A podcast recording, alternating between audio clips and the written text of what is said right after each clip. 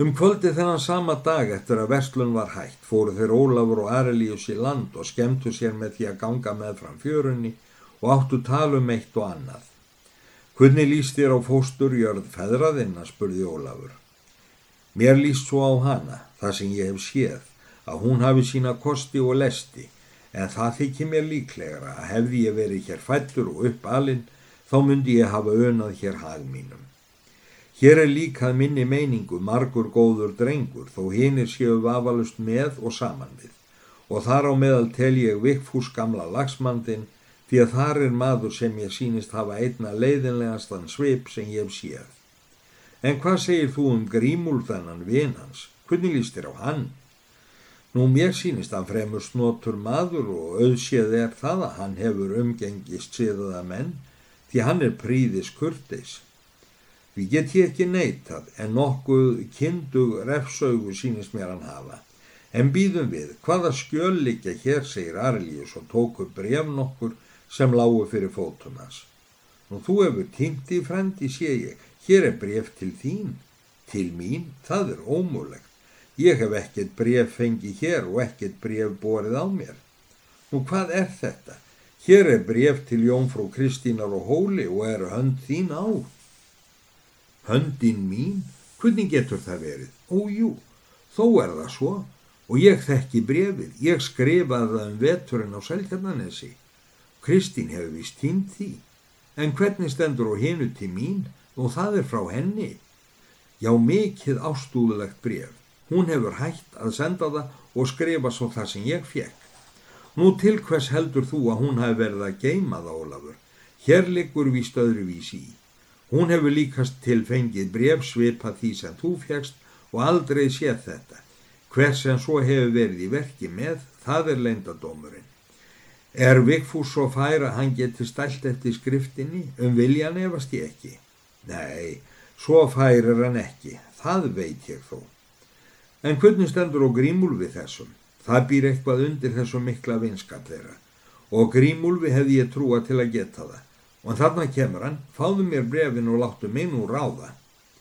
Grímúlfur helsaði þeim kurtislega og sagði, ég sé að þér hafi fundið það sem ég leitað eftir og kann ég eður þakk fyrir. Nú, eigi þér þetta. Mig grunaði það að egnarmadurinn myndi gefa sig fram. Mér þykki skrítið með þessi bref. Ég hef að sönnu ekki lesið innihaldi nema hverjurnar og nöfnin. Það er eins og þau sé á milli unnusta og unnustu því að sömun öfnin er utan á og innan í á viksl og þó hvorki frá yður nýja til yðar, svo það lítur út fyrir að þér séuð umbóðsmaður yfir þeim fyrir einhvern góðvin yðar. Já, það er ekki ómulagt að svo sé. Hér er fallega skrifað líka og vildi ég gefa til að geta skrifað jafnfæra hönd. Það geti þér grímúlfur, það er ég vissum. Það er mér ósýnt, enda lætt ég mér næja með þá skrift sem ég hef lært því að vilja stæla eftir annarleiri getur komið eh, misgrunn á hversmanns ráðvendni og er ekki verðt að eiga undir því. Það er fallega hugsað og lýsir digðugu hugarfari, en nú vil ég byggja yfir að gjöra mér þá ánægi að koma fram á skip og drekka með mér eina skála víni, því að ég hef sanna ánægi af að eiga lengur tal við yfir. Það get ég ekki kvöld, en á morgun kem ég á þakkiðu nú bæði fyrir bóðiðar og svo fundin á brefunum sem ég ætla nú að taka við. Nei, nú skal ég göriður ofurlítið rekjarbræði í hendarskinni þegar þér fyrirlítið heimbóð mitt í kvöld og ætla að halda brefunum þanga til þér vitið þér á morgun. En því heit ég eður, hvorki að lesa þau sjálfur, nýrláta aðra að lesa þau til annars kvölds. Já, brefin má ég ekki missa, þau eru svo gott sem mín egg og hefur, og hefur engin heimild fyrir þeim annar. Ef þér komið fram á skip með mér, fáið þér þau þar, með yður þegar þér farið. En þetta er nú skaplindi mitt þegar ég fastlega sæk eftir einhverju að ég á bátt með að láta undan, enda vil ég hafa ögn í fundalögn. Grímúlfur sá ekki dugði að etja þar kappi og þótti þó illt að sleppa af brefunum en út í skip vildan ekki fara því að honum síndist engan veginn allt tryggilegt og hlaut því svo búið frá að snúa. Heldur það ekki að hann sé saklaus af því að hafa skrifað brefn, sagði Ólafur. Mér heyrist hann tala svo ráðvandlega. Nei, Það er öðru nær en ég haldi það. Ég er vissar en áður um að hann er sekur og refurinn vill ekki ganga í gildruna. Hann er óheimskur og því verri við að eiga og þó hann aldrei hafi skrifað brefin sem þó er líkast til þá veit hann hvernig á þeim stendur og það er líkast að við sjáum hann ekki framar úr því að mér ekki lukkaðist að narra hann fram á skipið en ég gæti ekki vel tekið hann með valdi og kom mér það þó til hugar en það hefði opimberað okkur á snemma og verðum við að eiga á hættu hvernig fer. Grímúlfur gekk heim að hala og hitti þar Vigfús ákaflega reyðan. Að ég verðtu nú góður vinur. Ég var að þessu áðan að, af ólökku stríði, sagði Grímúlfur, þegar hann var komin svo nærri að Vigfús heyrði orðans því hann átti viss að vona á ef ekki dauða sínum þá samt mistilmingum. Ég vil ekkert fá hjá þér Þú ert margbúin að borga mér. Skuldina skal ég senda þið svo fljótt sem ég kem heim. Ég á nóga peninga þó að þessi skittnu 50 færu. Ég ætla nú að drífa mig á stað í kvöld. Þessi slæpingur dögar ekki lengur. Maður eitt sem ég gisti hjá og leiðinni hingað hefur sendt mér orð og bóðið mér hest og reyðtíi. Ég kalsaði það við hann svona svo allt er í góðu lagi með það. Þú ert ósköp væn grímúlfur, vilt ekki staup? Jú, það vil ég. Við verðum víst að drekka vel í kvöld, því það verður líkast til í seinasta sinn sem við sjáumst, sagði grímúlfur og táraðist. Hann var þá að öllu leiti ferðbúinn og settust þeirra drikki út í skemmu og læstu að sér. Þeir drukku fast og vikfúst þó meira því að hann var svo gladur yfir hvernig enda þetta fekk allt saman en þó var í fyrstu nokkuð ískikilegt og loford að spá grímúl sem síðasta fund þeirra var honum sannur gleði boðskapur. Oft var grímúlfur búin að hveðja vinsinn með kossi og tárum. Það var eins og hann gæti ekki slitið sig lausan. Nálagt miðrin ótt var Vigfús orðin svo drukkin að hann vald út af sofandi. Það hafði honum aldrei orði fyrri. Hann hafði þó gætt þess að stinga kistuliklinum niður hjá sér en grímúlfur tók eftir í hvern vasan. Það var honu líka antum að vita. Dægin eftir að þetta skeiði sem nú var sagt kom eina ráðsmaður norðanað og var hraði á honum. Því hann þurfti að komast heim til að versla, það fyrir bauðan að gjöra að sér fjárverandi. Í ferðinni hafði hann krafið fátakkan bonda um skuld sem sér að bjarni átti hjá honum og tók upp í hana reypi því annað sá hann ekki eigulegt í búi hans. Hann hafði bundið reypið fyrir aftan sig við söðulinn. Maður slóst í för með honum norðanað. Hann sagðist vera elda þjóf sem hefði gist hjá honum og stólið sreks ríkistölum í peningum þegar hann fór. Þið eru merkilegir bændur að láta stela svona úr ykkur augunum. Láta stela? Kunni á maður að varast á djöblana þá arna? Ægi gama þykir mér að sjá þann þjóf sem tekur mikið af eigum sér að bjarna ef ég er á fótum.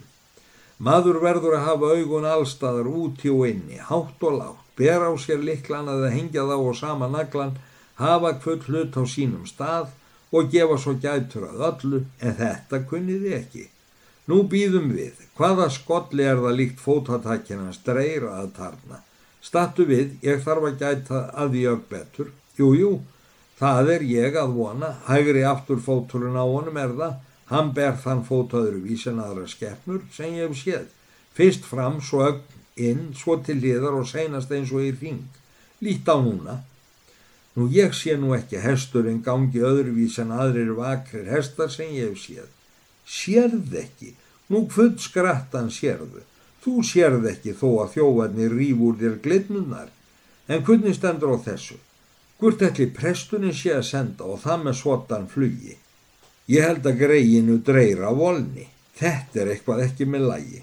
Ég þarf að vita það. Svo svo, þú þarna, maður hvað þú heitir, lofaði mér að tala við þig. Maður sem reið spölkott frá þeim dreyrauðum hesti á fleigingsferð, leitt við þegar einar kallaði, sló í hestin með það sama og vildi komast enn hraðara hefði hægt verið. Nú býtu við fjallarafturðin, þó að dreyri sé vakur, Þá hefur hann aldrei tekið grána á sprettinum. Kom þú líka maður. Einar reið nú allt hvað aft tók til þess að hann komst fram fyrir mannin, þar stökkan að baki tók í taumana og þekkti að þetta var grímúlfur. Og hvort ert að fara og hver sendi þig? Vigfús á hala, Vigfús á hala og senda þig á dreira press. Ég vild að það væri búið að senda þig og Vigfús líka, þanga sem ykkur væri maklegt að vera og viltu heyra hvert? En þú lígur, fúsi stelur aldrei hestinum pressins, þó bölvaður sé. Hann veit líka pilturinn að einar gamli hefur augun hjá sér. Og það er víst, sleftu tögnum, ég þarf að flýta mér, líflikur við. Ha, hans fúsa kannski, heldur það ekki að ég fær að láta ríðunum dreira þó að lífið hans fúsa lægi við það? Vigfús má degja fyrir mér og því er því ég fegin, Mér sínist annars dreyri vera búin að fá nóreið fanturiðin. Æ, hérna er þó þjófurinn sem ég er að leita, saði hinn lollenski maður sem kom að í þessu.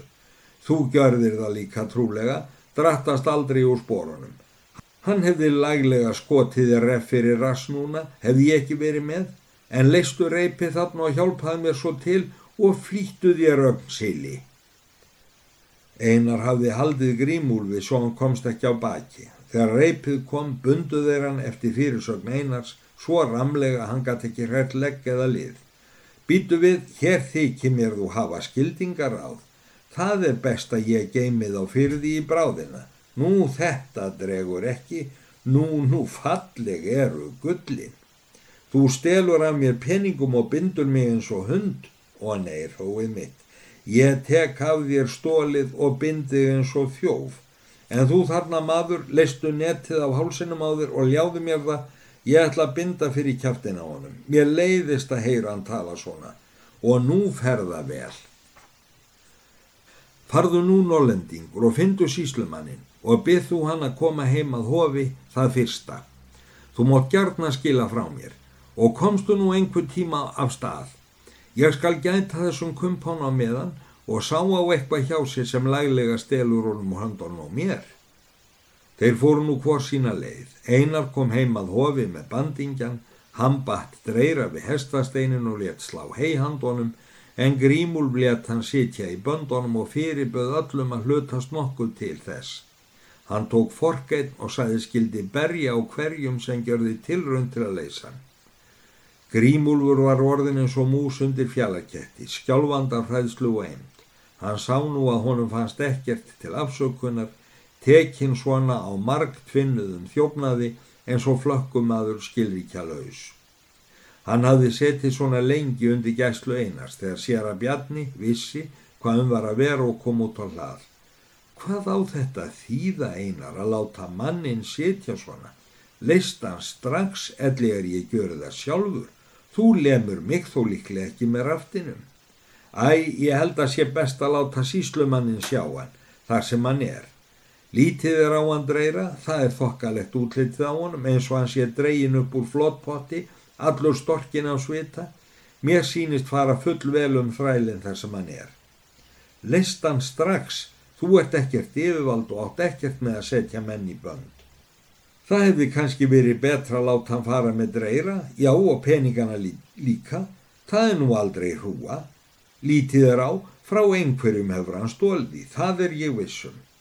Það kemur okkur ekki við einar, peningarnir eru ekki frá okkur, það er yfirvaldsens að rannsaka það.